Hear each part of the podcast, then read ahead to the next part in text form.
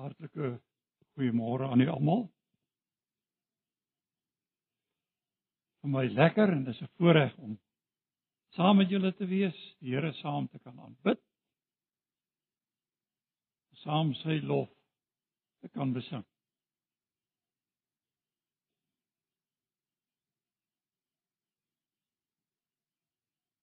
My bede vir môre as ons hier uitgaan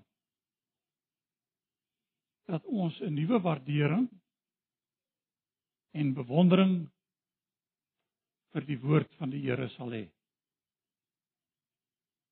En van vir wat dit vir ons in ons lewens beteken. Dat ons 'n groter agting daarvoor sal hê. 'n Bewondering vir dit wat God aan ons gegee het. Om ons geloof deur die woord en deur die gees te versterk. Ek gaan vir u voorlees uit 2 Timoteus, die baie bekende gedeelte. En ek gaan lees vanaf vers 10. 2 Timoteus 3 2 Timoteus 3 vanaf vers 10.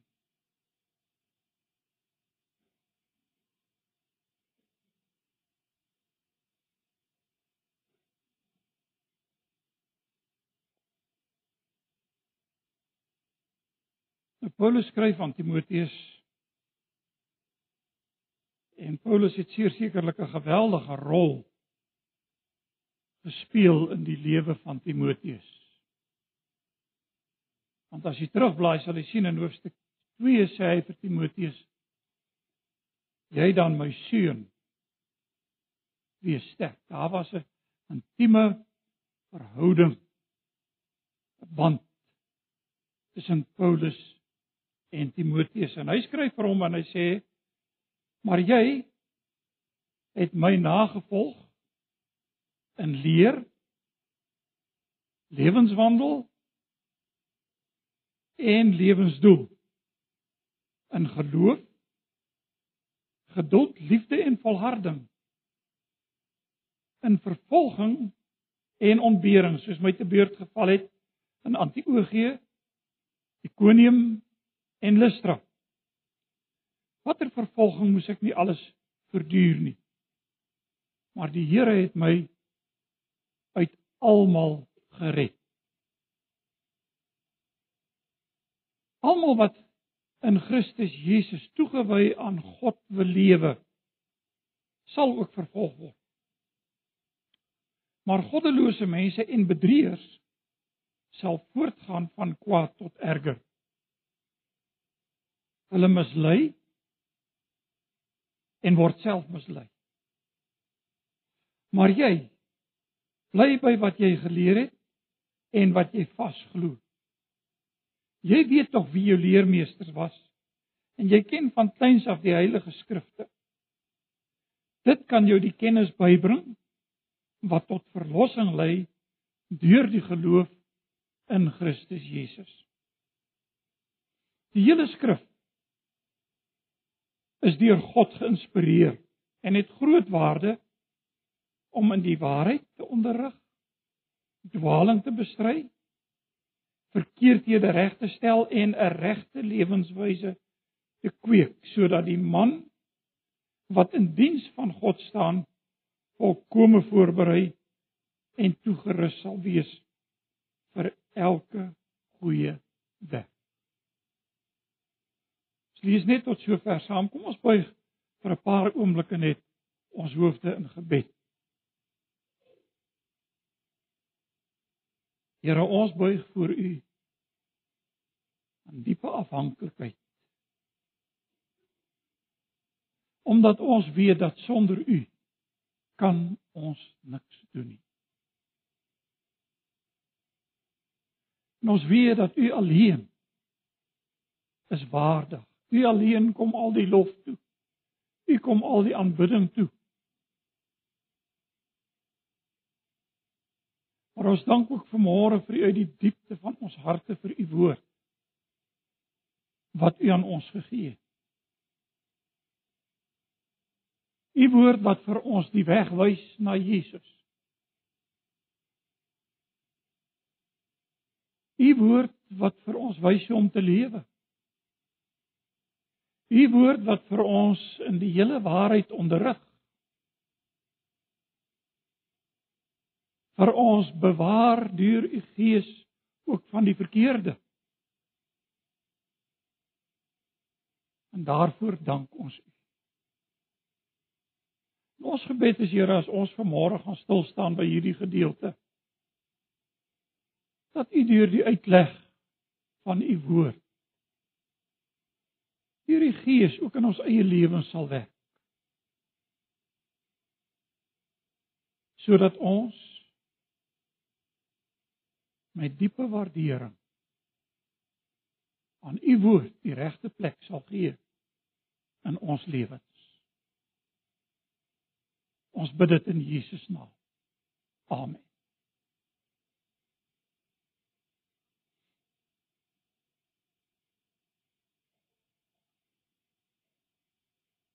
Hier daar's baie dinge uh, wat 'n mens hierdie lewe doen. En dan wonder jy partykeer en jy twyfel het ek die regte ding gedoen? En dan gewoonlik is ons aanduiding wat sê die Bybel vir ons in elke gegeewe situasie. Nou ek weet nie of of dit met julle so gaan nie, maar normaalweg as ek nou stilte tyd hou dan vra ek die Here om deur die gedeelte wat ek nou gaan lees tot my te spreek en dit vir my lewend te maak deur sy gees want die gees van God het die woord voortgebring. En dis dieselfde gees wat ons verstand verhelder sodat ons kan verstaan. En nou die afgelope tyd is ek nou besig uh ek lees in kronieke, ek is nou besig met twee kronieke. Nou is ek besig om hierdie, ek weet nie of julle van die Bybel weet nie, miskien is hy baie bekend by van julle die NIV, die Archaeological Archaeological Study Bible. Wat nou 'n hele lywige Bybel is met argeologiese en kultuurhistoriese agtergrond wat by die verskillende gedeeltes bygevoeg word. En dis nou 'n groot werk want ek het nou my voorgenem ek lees al hierdie aantekeninge saam in die Bybel. Maar skielik kom ek nou hier by Kronieke en Kronieke is mos nou 'n boek wat konsentreer net op die geskiedenis van Juda en die koning van 'n eh, konings van Juda. Israel word net bygetrek so hier en daar wanneer dit Juda raak. In teenstelling met konings wat beide Juda en Israel hanteer, konsentreer kronieke, 1 en 2 kronieke net op Juda. En nou het dit goed gegaan en ek het lekker gelees. En baie dinge gevind wat vir my iets beteken het. Skielik kom ek by 'n klomp slegte konings. Konings van Juda. En wat die skrywer daar vir ons uitbeeld in grafiese terme. Sleg as wat sleg kan kom. En weet jy, dis asof daar 'n wolk oor my toesak want wat sê dit nou vir my? En nou het ek deur 'n hele paar van hierdie konings geworstel. En dis verstommend. Een van hierdie konings se ma het so invloed op hom uitgeoefen dat als wat verkeerd is, het hulle gedoen. Na sy dood het sy ma oorgevat. En van erg na erger. En dan uiteindelik kom ek hier op 'n koning af. Wat tog die wil van die Here soek. En dit was soos 'n ligstraaltjie in hierdie donker geskiedenis. En hy wil uittrek om te gaan oorlog maak. En hy soek die aangesig van die Here. En hier kom Israel ter sprake want hy kry so 'n klompie huursoldate hier van Israel af van uit die noorde om hom bietjie te kom help, net om sy getalle bietjie te versterk. En die profeet sê vir hom dis 'n verkeerde ding. Vertrou op die Here. En nou sê hy nou maar wat moet ek doen met hierdie klompie Israeliete maak wat ek nou gehuur het hier hier soldate? Het my klomp geld gekos. Sê die profeet vir hom stuur hulle terug. Die Here kan vir jou meer gee as wat jy verloor het. En hy doen dit. Is dit nie 'n mooi ligpunt nie? En hy gaan en hy val hierdie heidense volk aan en hy behaal 'n klinkende oorwinning. En na hierdie geweldige oorwinning wat hy behaal het, kom hy terug en weet jy wat maak hy? Hy bring al die afgode van daardie volk saam terug na Juda, na Jerusalem. En hy begin om daardie gode te aanbid. Kan jy nou meer? Weet jy ek ek het by myself gedink, nou weet ek nie. Want wat sê die Here nou vir my uit hierdie gedeelte? Ek trek toe 'n kommentaar nader want ek is ook oortuig dat die Here vir ons insig gegee het om kommentare te skryf. En skielik is dit asof hierdie gedeelte vir my soos 'n boek oopgaan, want hierdie kommentator skryf en hy verwys daarna en hy verwys na hierdie ellendige spul konings by wie dit net slegter en slegter en slegter gegaan het. En natuurlik het God gesê sy oordeele oordeele sal hulle tref en dit het ook. Maar weet jy wat het hierdie kommentator raak gesien wat ek nie aangedink het nie.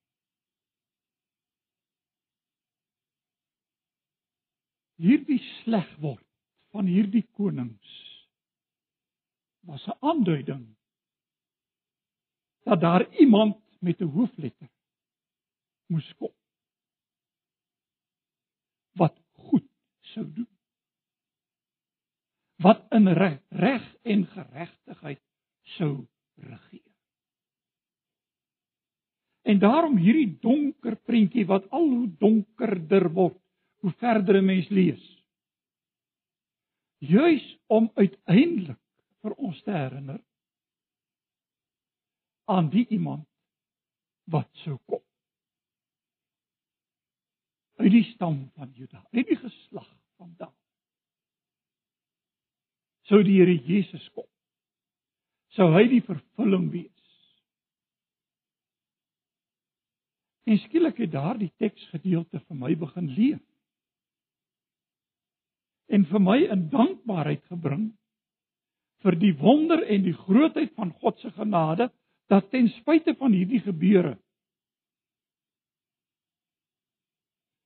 dit tog heen gewys het na iets anders wat sou kom iemand anders wat sou kom.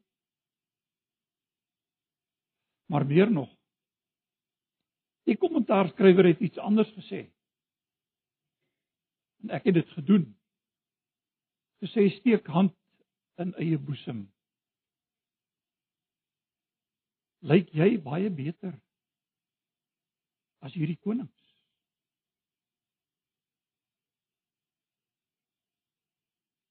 Vertrou ons nie ook maar heel dikwels op die arm van vlees nie.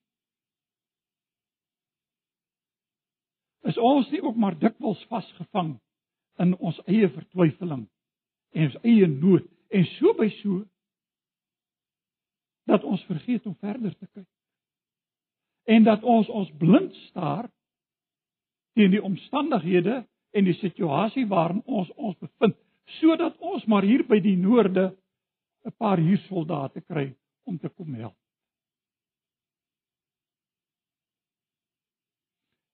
En so kry die woord vir 'n mens betekenis. En nou om nader te kom na ons teks. Na hierdie gedeelte wat ons gelees het. Ek dink almal van ons weet ons leef in 'n tyd van geweldige verwarring. Nou moet nou nie 'n fout maak nie. As u Paulus se brief aan Timoteus, albei die briewe mooi aandagtig lees, sal u sien hoe waarsku Paulus teen dwaaling.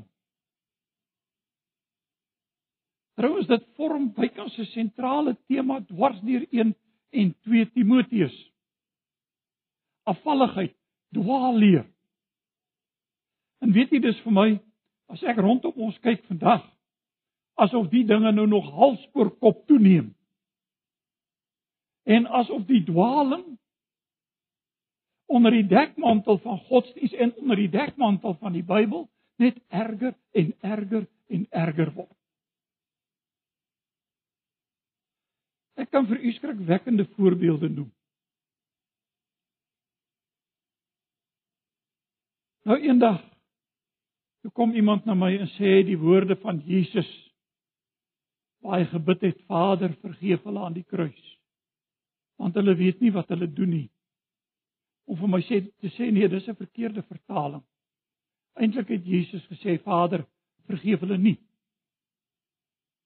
Want hulle weet wat hulle doen. En natuurlik is daar 'n hele stuk teologie agter hierdie argumentasie Natuurlik het dit my gedwing om weer na die konstruksies, die Griekse konstruksies, alles te gaan kyk en vrede te maak dat die Bybelvertalers deur al die eeue heen, inkluisende Lukas wat dit gesê het, dit reg vertaal het. Vader vergeef hulle.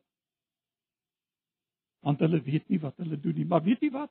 Ons leef in 'n tyd en ek noem dit wat 'n teologie van haat besig is om te floreer. U sal nou sê, "Waar kom ek daaraan?" Baie van hierdie dinge is gebore uit haat vir ander volkere. En nou is dit mos maklik om die Bybel te gebruik of sal ek sê te misbruik om allerlei ander leerstellings te begin te begin aanhang. En ek weet nie daar ek weet nie van hier in Pretoria self nie, maar daar in ons wêreld neem hierdie dinge geweldig toe. Mense word daarin meegesleep. En ek verwys hier en ek wil dit by die naam noem na die sogenaamde Israel visie. Waarin die evangelie net bedoel is vir Israel, vir die verlore skape van die huis van Israel. En dan natuurlik met 'n lang pad kom hulle daarby uit om aan te dui hoe dat ons dan nou afstammelinge van Israel is. En as Paulus dan sê hy wend hom tot die heidene met die evangelie, dan Paulus eintlik nie bedoel heidene heidene nie, maar net die verlore skape van die huis van Israel, dis wat hy bedoel het. En so word die skrif aangepas en so word hy verdraai en mense word daarin vasgevang en meegesleep. Nou wat sê die Bybel oor homself? Wat sê die apostel Paulus van die skrif? Luister wat sê hy. Hy sê die mense wat in Christus vers 12 toegewy aan God wil lewe, sal vervolg word. Maar goddelose mense en bedrieërs en ek wil hê u moet mooi luister, sal voortgaan van kwaad tot erger. Hulle wat mislei hulle mislei ander en word self mislei.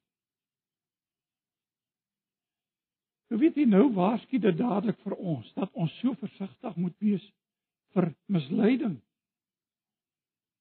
En daarom kom die apostel Paulus en hy vermaan Timoteus hier in vers 14 en u ken dit so goed, maar jy bly by wat jy geleer het. Nou by wie het Timoteus geleer? As u terugblaai na hoofstuk tweede brief aan Timoteus hoofstuk 1 vers 5, dan verwys Paulus hier na die geloof wat al in jou ouma Louise en in jou ma Eunice was en wat daarvan is ek oortuig ook in jou was. Nou Timoteus was die seun, sy ma was 'n Jodin, sy pa was 'n Griek. Maar dit sou beteken dat Timoteus waarskynlik van kleins af en die Bybel sê dit hier opgevoed is in die Heilige Skrif. En vir die eerste 5 jaar het die ma 'n geweldige rol gespeel in daardie jong kind se lewe. En nou verwys hy hier jy het van kleins af die skrif geken. Jy wat jy bly by wat jy geleer het en wat jy vasglo is die vermaaning aan Timoteus. Hou vas aan hierdie dinge wat jy van weet. En broer en suster, ek het vanmôre nie 'n beter antwoord as om vir u te sê hierdie dinge wat deur die eeue heen deur die kerk vasgevang aan ons oorgelewer is en oorgedra is aan die in die woord van God. Dis die dinge waaraan ons moet vashou. Dis die dinge wat wat Paulus vir Timoteus sê, bly by dit wat jy geleer het. Hou daaraan vas, want in hierdie tyd was daar dwaaling. In hierdie tyd was daar verwarring. In hierdie tyd was daar mense wat ander mislei het en self mislei is, soos wat die apostel Paulus tereg hier skryf. Want jy weet wie jou geleer het. En natuurlik dink ek die ander groot leermeester van die van van Timoteus was die apostel Paulus self. Wat vir Timoteus so mooi sê, jy dan my seun. Daardie intieme verhouding. Dit wat Timoteus by Paulus geleer het. Dis die dinge wat hy vir hom sê, hou daaraan vas want jy ken die skrifte. En dit bring vir jou die kennis by wat tot verlossing lei. Nou hierdie teks is vreeslik belangrik en u sal nou sien as ek verder aangaan waarom ek dit sê. Want hoe gebruik die apostel Paulus, hoe het die apostel Paulus en dan vir daardie doel al die apostels en die Nuwe Testamentiese skrywers, hoe het hulle die Ou Testament gebruik? Kan jy onthou? Hulle het altyd in die Ou Testament gesoek van dit wat heenwys na die Here Jesus toe. Want Jesus Christus is die vervulling van die ganse Ou Testament. Nou ek het 'n rede hoekom ek dit beklemtoon en u sal nou nou hoor waarom ek dit beklemtoon. As ek sê Jesus Christus is die vervulling van die ganse Ou Testament, dan wil ek hê jy moet net in gedagte hou daarmee sê ek nie elke teks kan ek nou reguit lê na Jesus toe deurtrek. Was nie die bedoeling van die Ou Testament. Job en sy verbittering het op 'n stadium sy geboortedag vervloek. En so is daar baie van die gedeeltes wat wat ons nie direkte lyne net kan trek nie, maar onthou, Jesus het self gesê, ek het nie gekom om te ontbind nie, maar om te vervul. So, as dit dan so is, dan sê die apostel vir, vir Timoteus, hierdie kennis van die skrifte het vir jou geleer en hy sê dit het vir jou die kennis bygebring wat tot verlossing in Jesus Christus lei. Dis nie die kennis wat die verlossing gee nie. Want luister wat sê hy? Verlossing te lei deur die geloof in Jesus Christus. Met ander woorde, as ons dan sê dat die apostel Paulus hier terugverwys na die Ou Testament, die Heilige Skrifte, dan gaan dit saam met die Nuwe Testamentiese prediking nooit los daarvan. Wil dit ek wil dit onderstreep. Want dit is so belangrik om dit in gedagte te hou. As ons wil praat oor wat beteken die skrif vir ons, want hy sê dit bring jou die kennis by wat tot verlossing lei deur geloof in Jesus Christus. En dan praat die apostel Paulus van 'n belangrike saak. En ek wil hê ons moet 'n bietjie daarby stil staan. Die saak hier ter sprake is inspirasie. Die inspirasie van die Bybel. En ek is regtig nie besig om vir u teologiese referate te lewer nie. Wil hê ons moet kyk wat beteken inspirasie vir jou en vir my. Luister wat sê die Bybel, die hele skrif. Die hele skrif is deur God geïnspireer. Wat beteken dit? Die van julle wat die ou vertaling hier het, sal daar lees die hele skrif is deur God ingegee. Dis die woord wat gebruik word. Eupneustos. Is die woord wat gebruik word, die Griekse woord. Wat beteken letterlik omtrent deur God geadem. Is deur God ingegee. Nou 'n ou naam in die kerkgeskiedenis, die van Hieronymus of Hieronymus, ek hoe in die Engelse praat van Jerome. Nou weet jy in in, in kyk dit was nou nie familie van my nie. Maar in my voorgeslagte was die naam Hieronymus. My oupa was Hieronymus. En een van sy dogters is Hieronymus genoem. En die naam het voortgeleef nou of hulle dit nou hier vandaan gekry het. E, e, ek het nou nie genealogiese navorsing gedoen nie. So ek sal nou nie vir julle kan sê nie, maar ek dink nie ek was familie van hom nie. Maar hy het die hele Bybel in Latyns vertaal. Hy het gelewe hier van 347 tot 420 na Christus. En hy het die hele Bybel in Latyns vertaal. En dit staan vandag bekend as die Vulgaat. En vir baie jare was hierdie Bybel vir baie eeue net in Latyns. En die arme man aan die bank het nie reg gehad om die Bybel te lees nie tot en met die hervorming. Waar daar groot veranderinge gekom het. Maar Hieronymus het die woord Theopneustos deur God ingegee met die latynse woord inspirata vertaal. En dis waar die woord inspirasie vandaan kom. Nou vandag en ek noem dit met opset want weet u daar so toenemende druk op die Bybel en op die gesag van die Bybel en op die waarheid van die Bybel. Sodat daar talle teoloë is wat die gesag en die waarheid van die Bybel in twyfel trek. Daar's talle teoloë wat die opstanding van Jesus Christus, die fisiese opstanding van Christus uit die dode in twyfel trek. En daar's van hierdie mense wat predikante oplei. So die dinge wat ek vir u sê is nie ver gesog nie. Dis nie dinge wat ons maar net kan ignoreer nie. Want sê hierdie mense in die Bybel het ons net 'n getuienis van God se openbaring. Die openbaring het daar in die geskiedenis plaasvind. En jy moet nou mooi luister want ek meen hier's goeie argumente wat opgeopper word. Want ek meen die openbaring het mos plaasgevind daar waar Jesus Christus die wonderwerke gedoen het.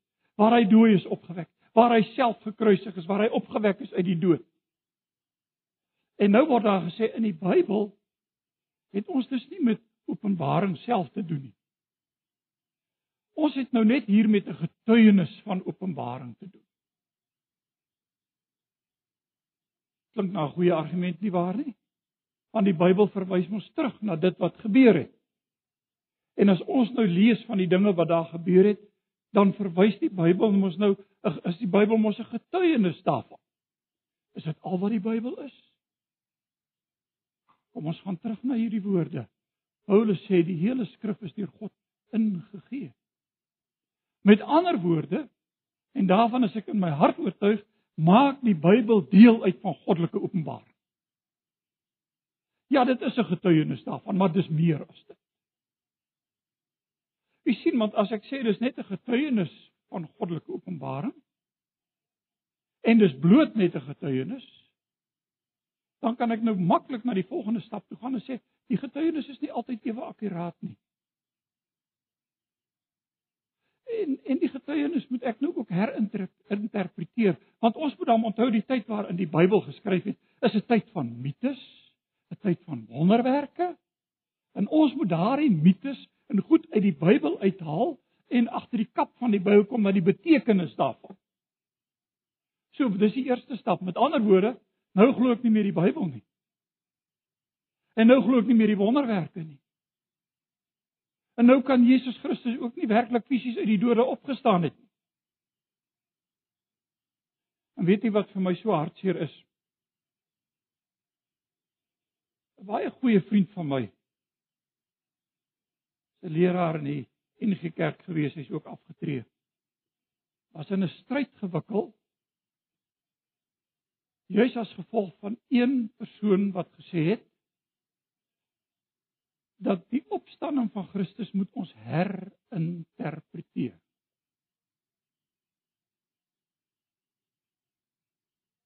Weet jy ek het daar was 'n onderhoud uitgesaai oor die radio en hy het my laat weet en ek het spesifiek ingeskakel om na die onderhoud met die spesifieke professor te luister. En weet jy wat sê hy? Die omroeper vra vir hom, "Glo jy in die opstanding van Christus?" Hy sê, "O ja, ek was vanoggend in die kerk en ek het saam opstaan en bely glo in die opstanding uit die dode." En toe sit ek daar, toe sê ek, "Ag, ek wens jy ek kan net vir hierdie omroeper sê, vra hom of hy glo aan die fisiese opstanding van Christus uit die dode, want u sien hy herinterpreteer die opstanding uit die dode. Dis nie meer 'n leë graf nie. Wat van die liggaam van Jesus geword het, weet niemand nie. En broer en suster, dis nie bangmaak stories wat ek vertel nie, dis goed wat gesê word vandag. En nou kom die apostel Paulus en hy waarsku, hy sê bly jy in wat jy geleer het waarvan jy oortuig is. Want die hele skrif is deur God geadem. Weet jy daar's sulke mooi gedeeltes. As as ons dink in terme van die skrif, profetiese uitsprake. Ek het 'n klomp tekste hier neergeskryf en as ek dit nou gaan herhaal, gaan ons nooit vandag klaar kry nie. So ek gaan nou nie die tekste vir u gee nie. Maar dink net daaraan, hoeveel keer in die Ou Testament lees jy hierdie woorde? So spreek die Here. Hoeveel keer in die Ou Testament lees ons as jy aan hierdie woord ongehoorsaam is, is jy aan God ongehoorsaam wat sy woord gegee het? Jy sien dis waar die gesag van die Bybel lê. Dis goddelike spreuke. En nou kom die apostel Paulus en hy sê die hele skrif is deur God geïnspireer en ek het met opset klem gelê op die apostel Paulus en die apostels en jy kan die hele Nuwe Testament deurgaan se interpretasie van die Ou Testament, hoe dat hulle nie die Ou Testament sonder Jesus gepreek het nie. Inteendeel. Dit was altyd kort pad na Jesus toe. Die vervulling van die beloftes. God het gespreek. Hoe sien die Nuwe Testament homself? Weet jy, nou ek het 'n klomp goed hier ook neergeskryf en ek gaan dit ook nie alles met u deel nie. Ek wil net die kern vir u uitlig. Hoor mooi. In Matteus Hier in hoofstuk 5, ek ken die bergrede. En ek het als neergeskryf en ek het dink ek het hier 'n stuk of 6 van daai gedeeltes geïdentifiseer. Waar Jesus die skare leer, die mense leer En dan kry ons hierdie woorde en ek haal aan uit die ou vertaling. Julle het gehoor dat die mense van die ou tyd gesê het: Jy mag nie. Nou weet jy waarna verwys Paulus, ag Matteus as hy terugverwys na die na na na julle het gehoor dat die mense van die ou tyd gesê het. Na die wet. Want hy haal aan, hy sê julle het gehoor dat die mense van die ou tyd gesê het jy mag nie egbreek pleeg nie. Wet sê dit. Staan in 10 gebooie. En dan hierdie woorde: "Maar ek sê vir julle." Hoor u die gesag agter die spreuke van die Here Jesus self? En hy het nie die Ou Testament tot nuut gemaak toe hy gesê het: "Maar ek sê vir julle nie." Inteendeel, in daardie betrokke gedeelte waar Jesus gesê het jy mag nie egbreek pleeg nie, maar ek sê vir julle, iemand na na 'n vrou kyk om haar te begeer, het klaar in sy hart egbreek gepleeg. En Jesus het nie die Ou Testament tot nuut gemaak nie. Hy's die vervulling daarvan. En dis die gesag waarmee die Nuwe Testament tot ons kom. Julle het gehoor dat die mense van die ou tyd gesê het jy mag nie doodslaan nie, maar ek sê vir julle, en so kan ons aangaan daar stalle van hierdie gedeeltes in die bergrede. En dan ek dink ek het by geleentheid 'n hele ruk terug maar net daarna verwys hier in 'n preek en ek wil ook nou net daarna verwys. Um die berg van verheerliking is vir my so 'n mooi voorbeeld. Wat gebeur daar? Jesus gaan met drie van sy disippels, disippels Petrus, Jakobus en Johannes, gaan hy die berg op. En daar bo op die berg oordek 'n wolk hulle skielik. En daar verskyn Moses en Elia. En Petrus natuurlik dadelik, Here, sal sal sal ons vir vir die drie hitte hier maak. vir Jesus en vir Moses en vir Elia. En die stem kom uit die hemel. Luister na die gesag. Dit is my geliefde seun. Luister na hom. Broer en suster, dis die gesag wat die Nuwe Testament na ons toe kom. Is God se spreuke. Net soos ook die Ou Testament en alsou Paulus in hierdie konteks terugverwys na bekende terminologie, die Ou Testament, die hele skrif. Kan ek en jy vandag nie die Nuwe Testament en Paulus se prediking en die apostels se prediking daarvan losmaak nie en by name ook Jesus se prediking self. Kan dit nie daarvan losmaak nie. Omdat die Nuwe Testament die vervulling is van God se beloftes vanuit die Ou Testament. Dis die gesag. Broer en suster met ander woorde. Wat sê dit vir ons? Sê vir ons hierdie Bybel wat ons opneem, hierdie Bybel wat ons lees. As ek dit lees, dan probeer ek om God se stem te hoor. Want dis die enigste weg wat ek die wil van God kan ken.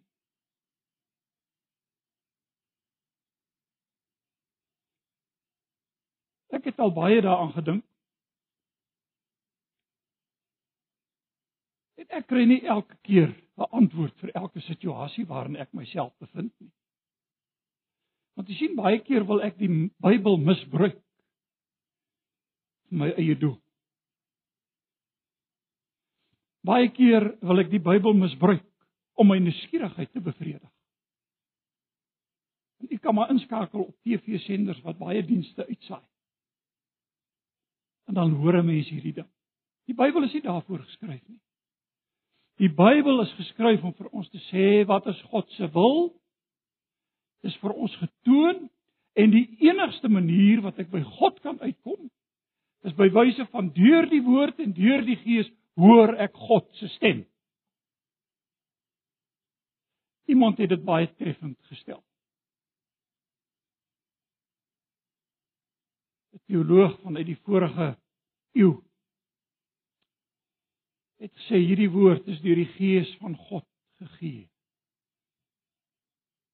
En wie die woord hoor, hoor hom.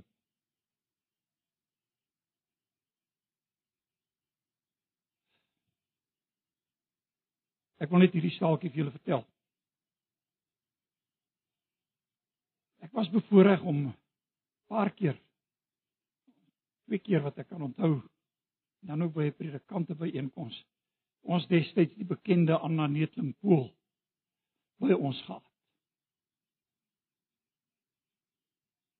En weet jy sy het uit die psalms psalms voorgedra. Nou ja, in my lewe sal ek dit nooit so kan doen nie. Maar weet ek het daar uitgestap. Ek wou nie gehad het sy moet ophou nie. Want ek het gesê 'n predikant kan nie eers preek as jy die woord van God op daai manier gehoor het soos wat dit voorgedra is deur Anna Netlimpool. En sy het nogal gesê sy verstaan dit nie. 'n Predikant gee al sy aandag aan 'n preek en aan die dinamika van 'n preek en dan rammel hy sy skrifgedeelte af as hy dit lees. En sy sê, daai deel wat hy lees is tog eintlik die woord van God.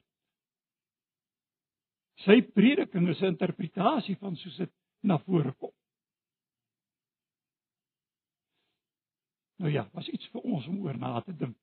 Dink nog al die jare daaroor, maar nou moet ek daaraan byvoeg daar's seker nie iemand anders wat dit so kan voordra soos wat sy gedoen het nie. Maar weet jy, hierdie teks sê vir ons meer oor die Bybel as net oor die inspirasie. Die Bybel sê, die teks sê ook vir ons, nou tradisioneel weet ek dis in die teologie is dit nou opgedeel as as die genoegsaamheid van die Bybel en die noodsaaklikheid van die Bybel en die duidelikheid van die Bybel. Ek wil nie oor al hierdie goed praat nie. Ek wil net praat oor wat die teks vir ons sê. Die teks sê vir ons die Bybel is genoegsaam. Dis wat ons nodig het. Niks meer nie. Want onthou ons leef in 'n tyd van nuwe openbarings. Dink julle het al gehoor daarvan? Allerhande ander dinge wat nie deur die Bybel gesip uh uh, uh aangedui word nie. Nou luister wat sê hierdie gedeelte vir ons. Die hele skrif is deur God geïnspireer met groot waarde om in die waarheid te onderrig. En broer en suster, hierdie is 'n verskriklike belangrike saak. Die gemeente is die pilaar van die waarheid. En die gemeente moet staan vir die waarheid. En daar moet in waarheid onderrig word. En die enigste manier waar wat daar in waarheid onderrig kan word, is as ek absoluut geheel en al totaal terugval op die Bybel. Daar's geen ander manier. En dan kan ek met vrymoedigheid bid en sê Here, U wat hierdie woord deur U Gees voortgebring het, verlig ook my verstand dat ek kan verstaan en dat ek kan hoor wat U vir my wil sê. Want dis goddelike spreuke. Hy sê in die waarheid lering sê die ou vertaling. In die waarheid te onderrig. Dwaling te bestry. Letterlik weerlegging. Broer en suster, dis die saak wat ons nodig het vandag. Dwaling moet bestry kan word. Dwaling moet by die naam genoem kan word. Want ons word almal blootgestel daarvoor. En ek probeer nie vroom wees hier voor u om te sê ek maak nie 'n fout nie. En ek dink dis nie een van ons wat sal waag om dit te sê. Maar laat ek op my hoede wees en dat ek die woord gebruik want Paulus sê vir Timoteus hierdie woord is die manier waarop jy dwaaling kan bestry. Dis die enigste manier.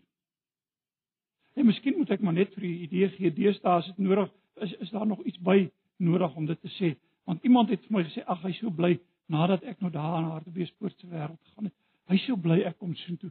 Hy het so baie goed waaroor hy met my wil gesels. Uit die Bybel uit. En nou het ek geweet van die begin af ons is teenoorgestelde pole. En toe ek gesê my reaksie was nie eens goed, ons kan gesels. Ek gesels graag oor die Bybel, maar ons moet net eers ooreenkom oor ons vertrekpunt. En as ons nie oor ons vertrekpunt kan ooreenkom Met ander woorde, die wyse waarop ek die Bybel gebruik nie. Dan help dit nie ons gesels eers verder nie. Want gewoonlik is dit waar die dwaaling kom. Die die misbruik van die Bybel. En weet jy ek het dit vir studente gesê ek het ek het dit beklemtoon en ek sal nooit vergeet nie ek was ehm um, nou ja, later van jare besoek ek een van ons leraars wat ag hy het op sterwe gelê was baie siek geweest. En daar kom een van die ander mense in, nogal 'n dametjie wat by die seminarium gestudeer het. En sy's baie verslae. Sy vertel vir my nee, hulle was in 'n debat betrokke. Sy en haar predikant. Met uh een van ek verwys maar gewoonlik na die Jerusalite, hulle noem hulle self die Jehova getuies. Sy was met een van hulle in 'n gesprek, hulle en hulle het sleg tweede gekom. En sy kan dit nie verstaan nie. Sy het tog al die teologiese studies gedoen en sy het gepresteer, sy het baie goed gedoen. Sy sê en ek kon hulle nie antwoord nie. Toe sê ek nee, weet jy hoekom? Omdat jy nie teruggegaan het na die vertrekpunt nie. Hoe gebruik jy die Bybel? En al wat ons doen is ek het vir haar gesê, goed, net vir 'n paar, kom ons gaan terug na die tekste en ons gaan na die konteks van die Bybel. En toe sit sy daar, toe sê sy, o, sy het nou nie daaraan gedink op daai tydstip nie. Want jy sien, daar's 'n ou spreekwoord wat sê elke ketter het sy letter. En daarom is dit so belangrik om te weet die Bybel is genoegsaam. En dit is belangrik hoe ek die Bybel gaan gebruik. Dis net so belangrik. Ek onthou, en jy weet, daar's tradisies wat anders is as ons tradisie. Byvoorbeeld die Rooms-Katolieke het 'n twee bronne teorie. Die Bybel en die kerk. Onthou die kerk wat 'n voortgesette inkarnasie is van Jesus Christus. In sy uitsprake is dit onfeilbaar. Nou 'n klomp jare terug. Dit was in die vroeë 80er jare. Was ons hier in Pretoria in 'n debat wat deur Unisa gereël was. En dit het gegaan oor 'n uh, uh kan nou nie die titel onthou nie, daar's 'n publikasie uitgegee daaroor die kinderdoop dink ek met 'n vraagteken. Uh kan nie presies die titel van die boek onthou nie. En uh ek was een van die mense wat deelgeneem het aan hierdie debat. En daar's natuurlik allerlei dinge gesê en dit het oor die doop gegaan en die Bybel is gebruik elke keer as jy terug by die Bybel en ten einde staan hier 'n man op met so lank gewaad. En hy sê mense kan hy nou net iets vra in hierdie gehoor. Hy sê in hierdie gesprek hoor hy net die woorde wat sê die Bybel? Het die kerk dan niks te sê? En natuurlik, u moes die fluitte en die uitroepe en die ontsteltenis van die oorwegend protestantse gehoor daar hoor. So by so dat ek na die tyd na die ou toe gegaan het en hom om verskoning gevra het en gesê ek is jammer oor wat gebeur het, maar hy moet verstaan hoekom dit gebeur het. Want vir my kan die kerk nooit die gesag van die Bybel dra nie. Die kerk staan onder die Bybel. En die kerk moet leef in gehoorsaamheid aan die Bybel. Maar 'n kerklike uitspraak kan nie dieselfde gesag dra as die Bybel nie. Ek moet altyd na die Bybel toe gaan want die Bybel is genoegsaam. Ek het niks meer nodig nie, ek het niks anders nodig nie. Nou sê ek nie dat 'n belydenis skrif is nie nodig nie. Glad en geheel nie. Maar ek sê vir u dat 'n belydenis skrif is ondergeskik altyd aan die Bybel. En weet jy baptiste ek moet dit net vir julle noem en ek ek ek wil dit net vinnig noem, het van die vroegste tye af belydenis skrifte opgestel. Dis regtig so. Die vroeë anabaptiste het 'n belydenis opgestel so vroeg as 1524. Onthou Martin Luther het 1517 sy stellings aan die aan die aan die kerk, aan die Wittenberg kerk uh, gespyker. 1524 het die anabaptiste 'n belydenis skrif uitgebring. Daar's talle ander. Ek het van hulle hier neergebring. Die Mennoniete se belydenis dateer hier uit 1580 ensovoorts. Later van tyd was daar ook sterk meer gereformeerde belydenisskrifte wat die lig gesien het vanuit baptiste geleerders en onder andere die bekende een wat u onderskryf in hierdie gemeente en wat ek ook glo, die 1689 belydenis.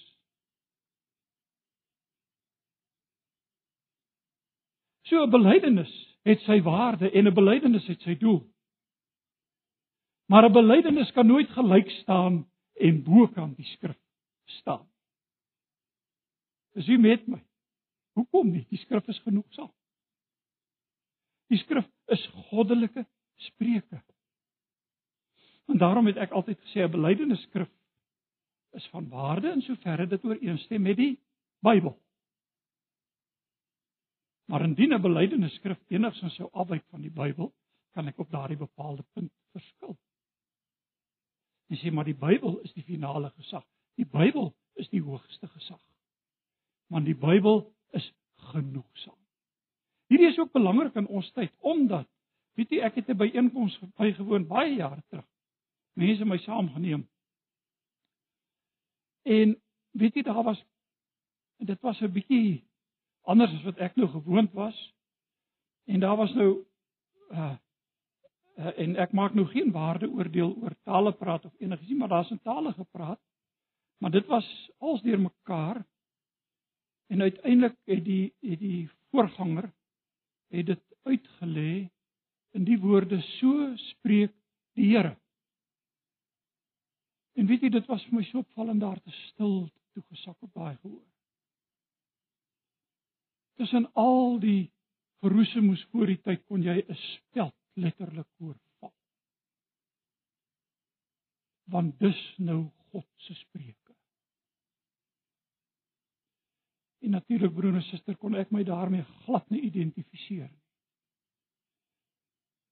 Want hier hoor ek God se spreuke. Hier luister ek na God se spreuke. En die Bybel is die finale gesag. Die Bybel is genoegsaam. Ek kan nie openbarings hier kom byvoeg nie. Ek kan nie uitsprake maak en sê so sê die Here as dit nie gefundeer is in die Bybel nie. Dis die enigste manier. En nou kom die apostel Paulus en hy sê, hoekom so dat die man kan ook sê mens wat in dien van God, diens van God staan, volkome voorberei en toegerus sal wees vir elke goeie. En weet jy, ek het so 'n tydjie gelede en ek sluit daarmee af was ek uitgenooi, seker ook al 'n jaar terug, om 'n manne ontbyt toe te spreek daar by in in in 'n Rietfontein gemeente. En hulle het my gevra ek moet praat oor die Bybel. En dit was my so belewenis want wat ek toe gedoen het is ek het toe begin praat oor die ontstaan van die Bybel. Hoe dat dit geskrywe is, hoe dat dit saamgevoeg is, hoe dat dit oorgelewer is van die Ou Testament reg deur tot die Nuwe Testament. En weet jy wat is die wonder daarvan? Dat ons na al die eeue nog dieselfde woord het. Toe Erasmus hier vroeg in die 16de eeu, Desiderius Erasmus, 'n Griekse teks saamgestel het, het hy so 'n stuk of 6, 4 of 6, ek kan nou nie onthou nie tekste voor hom gehad. Vandag is daar by die 6000 ou handskrifte wat dele bevat. En weet jy wat? Die Bybel het nie verander nie. Dieselfde gebly. Want jy sien, is God se woord. Die vraag is hoe hanteer ek en jy die woord van God? Wat beteken dit vir jou en vir my in ons lewe elke dag? Kom ons buig ons hoofde in gebed. Here, kom om te sê u woord is 'n lamp ons voete lig op ons pad. En ons dankie vir u woord. Ons wil saam met die ou lied sê God het ons sy woord gegee. En die woord bly ewig waar.